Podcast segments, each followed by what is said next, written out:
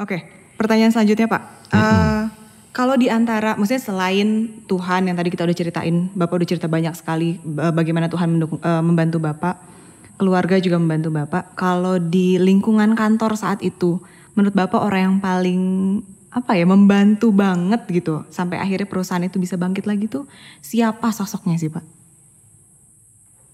Iya banyak sih ya. Mhm. Eh, tim kita di orang yang baik-baik Iya, sebetulnya. iya, iya. Saat itu orang yang sangat care lah ya. Mhm.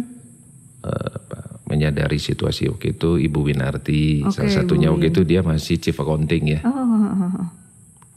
Chief accounting, Pak Harudin, Mhm. sekarang udah jadi pengusaha, saya juga ikut bangga. Ya, nanti tanggal 6 undang saya anaknya sudah menikah. Oh, oh, oh. Saat itu kakak saya Ibu Lita, Oke. dia orang yang luar biasa yang eh, bersama saya terus sejak usaha ini baru memulai. Dia sangat care banget. Mhm. Dan juga eh, ya para profesional-profesional lainnya juga banyak yang luar biasa mensupport kita ya. Mhm. Gitu. Beruntung banget ya berarti Bapak saat itu udah punya tim yang sesolid itu Betul. sampai sejatuh apa pun Bapak orang-orang ini masih ada setia di samping Bapak bahkan sampai Buin sampai detik ini ya Pak masih Masih ada ya. masih ada dan masih mendukung wow Ya. luar biasa.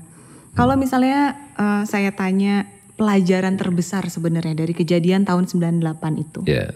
yang mungkin bisa dibilang eh, jadi pesan untuk kami blessing people yang sekarang masih berjuang juga di tengah covid itu jangan diulangi lagi deh gitu itu apa tuh pak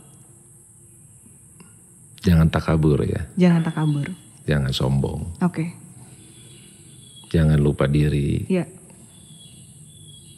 Eh, ya itu takabur ya, lupa diri.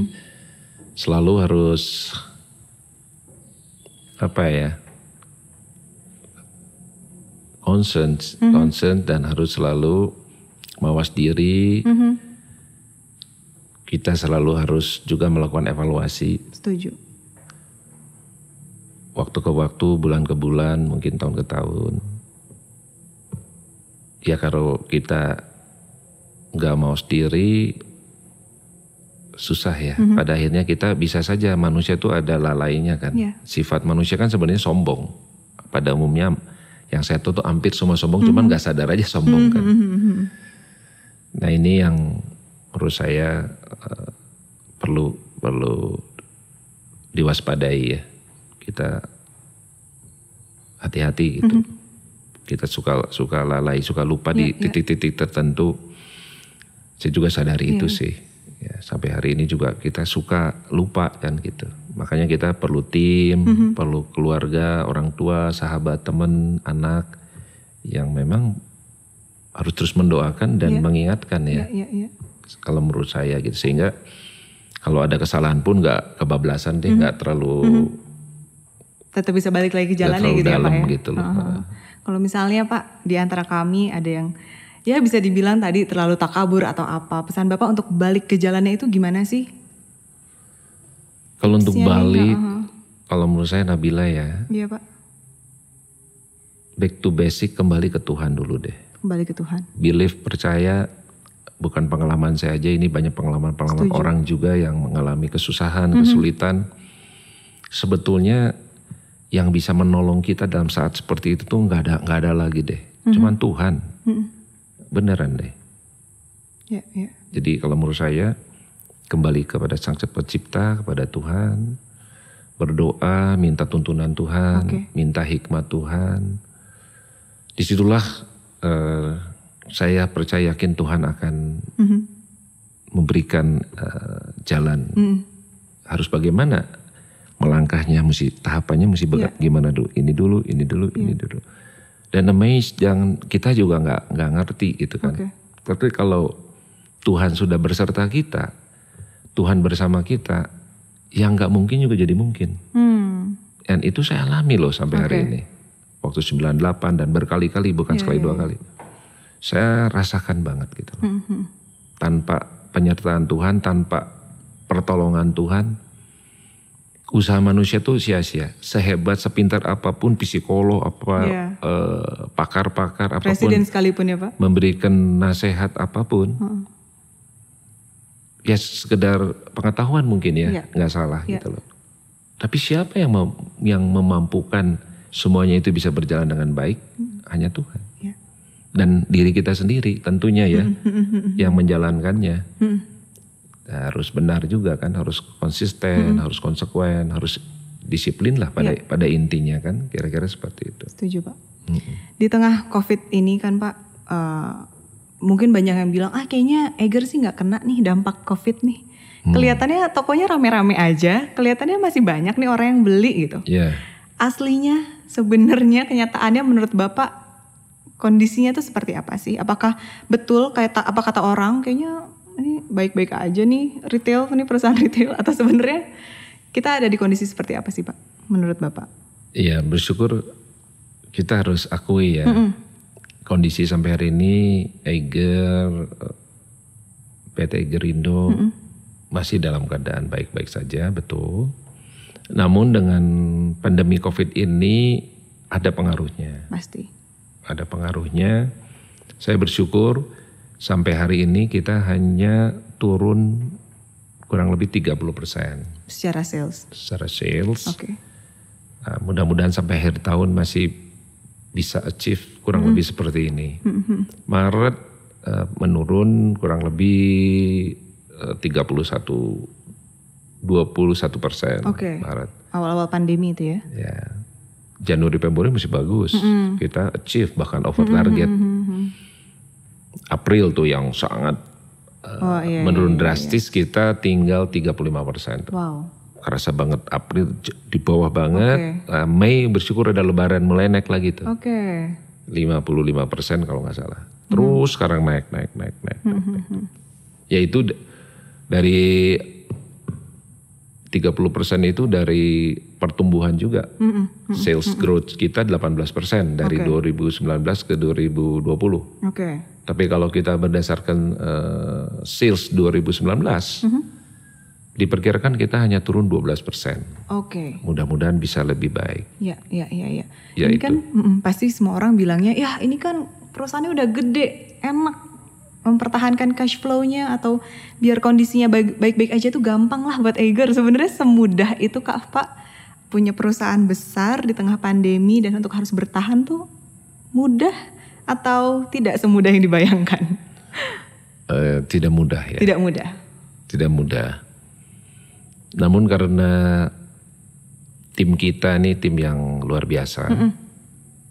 Dan saya juga punya mentor yang eh, baik. Dan saya mencoba menjalankannya dengan profesional. Oke. tahun ke tahun, eh, bulan ke bulan, dan itu kita lakukan bukan karena baru satu dua tahun. Betul. Nah, dengan pengalaman 98 itulah saya mulai hati-hati kan. Iya. Mulai terus belajar lebih baik lagi, lebih baik lagi, lebih baik dan lebih baik lagi. Dan apa pun kebijakan yang baik, eh, sistem yang baik, kita selalu continuous improvement kan sebelumnya. Nah itulah berkat upaya-upaya yang sudah kita lakukan sebelumnya persiapan-persiapan itulah yang membuat kita bisa eh, jauh lebih baik lah mungkin dibandingkan perusahaan-perusahaan lain Iya, ya. iya, iya. Jadi tidak mudah kita menghadapi situasi seperti ini, salesnya anjlok, bayangin aja 30%. Nah itu kalau nggak kita cepat eh, bereaksi atau cepat merespon, bahaya kan. Nah kita dan tim untung cepet tuh, Agile ya Pak? Eh, agile banget, itu culture kita. Kita cepet eh, lakukan eh, hal-hal yang esensial, yang penting, yang fundamental, yang harus dilakukan Setuju. dalam waktu persiapan saya Maret April ya tiga bulan Mei ya kita sudah terlatih ya. Oke. kita eh, harus punya konsistensi plan kalau ada apa-apa tuh mesti gimana. Nah kita tuh udah terlatih ya saya udah terlatih.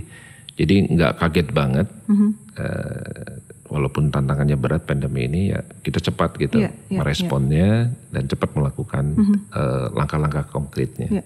Kalau untuk teman-teman yang mungkin baru mulai usaha, UMKM, atau bahkan mungkin yang sekarang kan banyak ya Pak, di saat pandemi itu tiba-tiba jualan, tiba-tiba dagang makanan, tiba-tiba apa pun didagangin gitu ya untuk dapat income tambahan gitu. Eh, ujangan atau misalnya tips dari Bapak nih untuk bisa bertahan di tengah pandemi atau di tengah krisis deh gitu.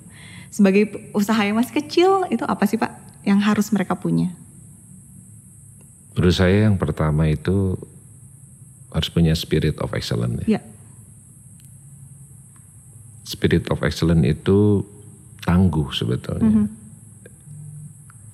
Dia punya keyakinan yang utuh, yang kuat, punya semangat yang kuat, punya belief juga tentunya kepada sang pencipta yang kuat,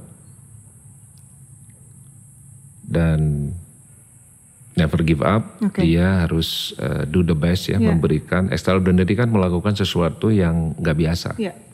Jadi situasi seperti ini tuh harus menurut saya harus seperti itu. Harus savage plus ya Pak kalau bahasa Bapak. Ya, kalau bahasa kerennya harus savage, savage, Savage plus, plus, katanya. Harus eh, gila banget lah gitu ya. Gila yang positif Iya. gitu ya. Harus sinting yang positif lah. Jadi kalau pendapat saya yang paling pertama itu. Harus punya spirit of excellence. Ya. dan yakinlah apa yang kita usahakan dengan sungguh-sungguh dengan terus mau improvement harus terus mau belajar pasti pasti ada hasilnya. Pasti ada jalan dan hasilnya. pasti ada ada hasilnya. Jadi jangan khawatir. Iya. saya banyak sekali teman anak-anak saya yang yang nggak biasa jualan jualan Iya. makanannya enak-enak banget Betul, betul. akhirnya saya sering order tuh Iya, iya, iya, iya. iya. kupat tahunya ampun enak banget dan banyak deh makanan-makanan yang eh, mamahnya yang buat mamahnya kerja sama sama anaknya Betul. banyak banget sekarang Semua Eh, tiba-tiba jadi pengusaha gitu ya Pak rasanya ya Pak. betul karena Tuhan saya percaya di tengah pandemi ini kan pasti seizin Tuhan Yes. jadi Tuhan tuh pasti akan bukakan jalan Hmm. Dan jalan itu sudah terlihat sekarang. Ya vaksin sudah mulai ada. Betul. China Amerika Eropa semua sudah menyiapkan vaksin. Jadi sebentar lagi saya yakin COVID akan selesai. Ya jadi buat kita COVID itu biasa. Asal kita disiplin aja kan. Yang harus kita lewati bareng-bareng ya Pak. Hmm, 3M lah apa segala macam. Kita udah asal itu di kita lakukan kayak sekarang kita berjarak kan Iya. harus tetap berjarak ya Pak. ya. Harus tetap main aman walaupun kita Siap. bikin konten yang bagus ya Pak. betul Eh, ini sebelum eh, masuk ke penghujung acara ceritanya, aku mau nantangin Pak Roni main games, boleh nggak? wow Boleh ya Pak? boleh boleh boleh Boleh ya? boleh. Nanti di sini eh, para penonton, cie para penonton, orang-orang blessing people yang ada di sini juga boleh ikut tepuk tangan atau ketawa atau apa ngeramein juga boleh-boleh aja ya netizen ya. Ini pertanyaannya games jawab cepat Pak. Jadi nanti saya kasih dua pilihan, nggak ada pertanyaannya, pokoknya saya kasih dua kata aja, misalnya pohon atau bunga. Nanti Bapak harus jawab yang cepat secepat mungkin aja antara pohon dan bunga. Ngerti Siap, ya? siap. Aman ya Pak? Gampang ya Pak? siap Pertanyaan yang pertama, siap wah siap siap ini ada 250 Pak kebetulan pertanyaannya. Oh. Wah. Enggak, enggak, enggak, enggak. Dikit aja, dikit aja.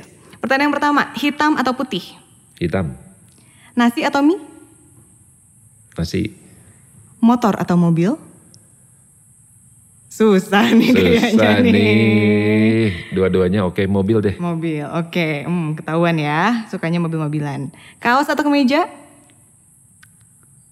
kaos t-shirt Kaos, t-shirt. Gunung atau laut? gunung Gunung. Pingpong atau nembak?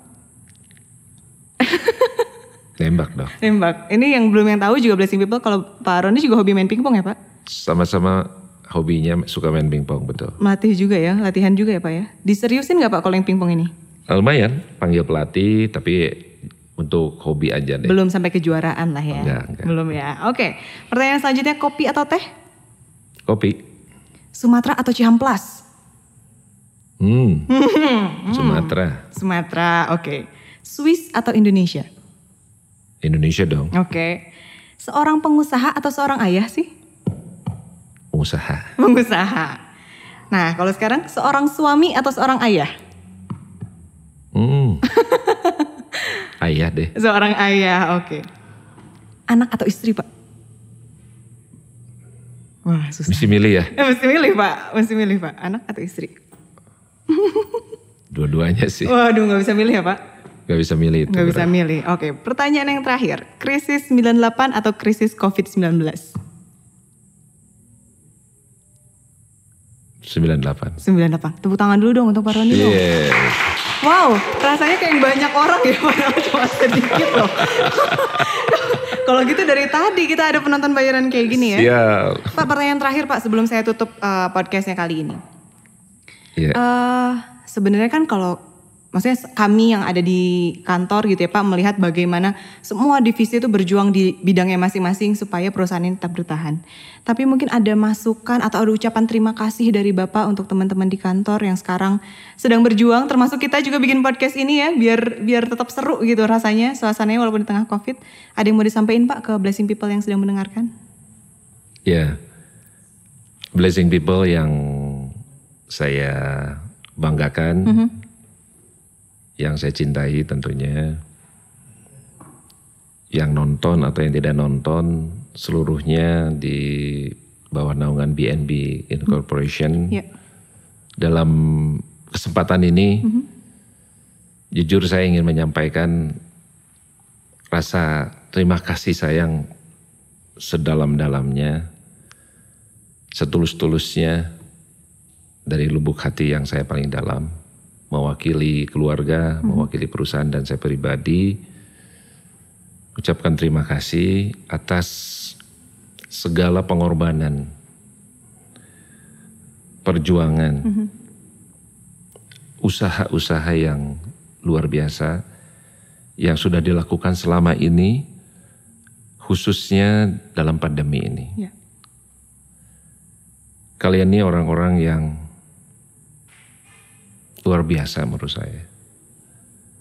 Tanpa kalian nggak ada kondisi hari ini. Kalianlah orang-orang yang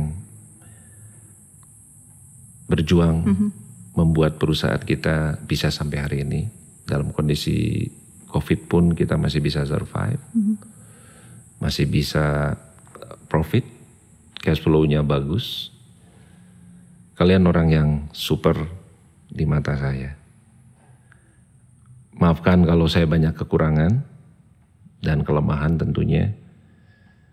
Dalam kesempatan ini juga saya minta maaf atas kata-kata saya, atas sikap-sikap saya mungkin yang tidak berkenan di hati teman-teman semua.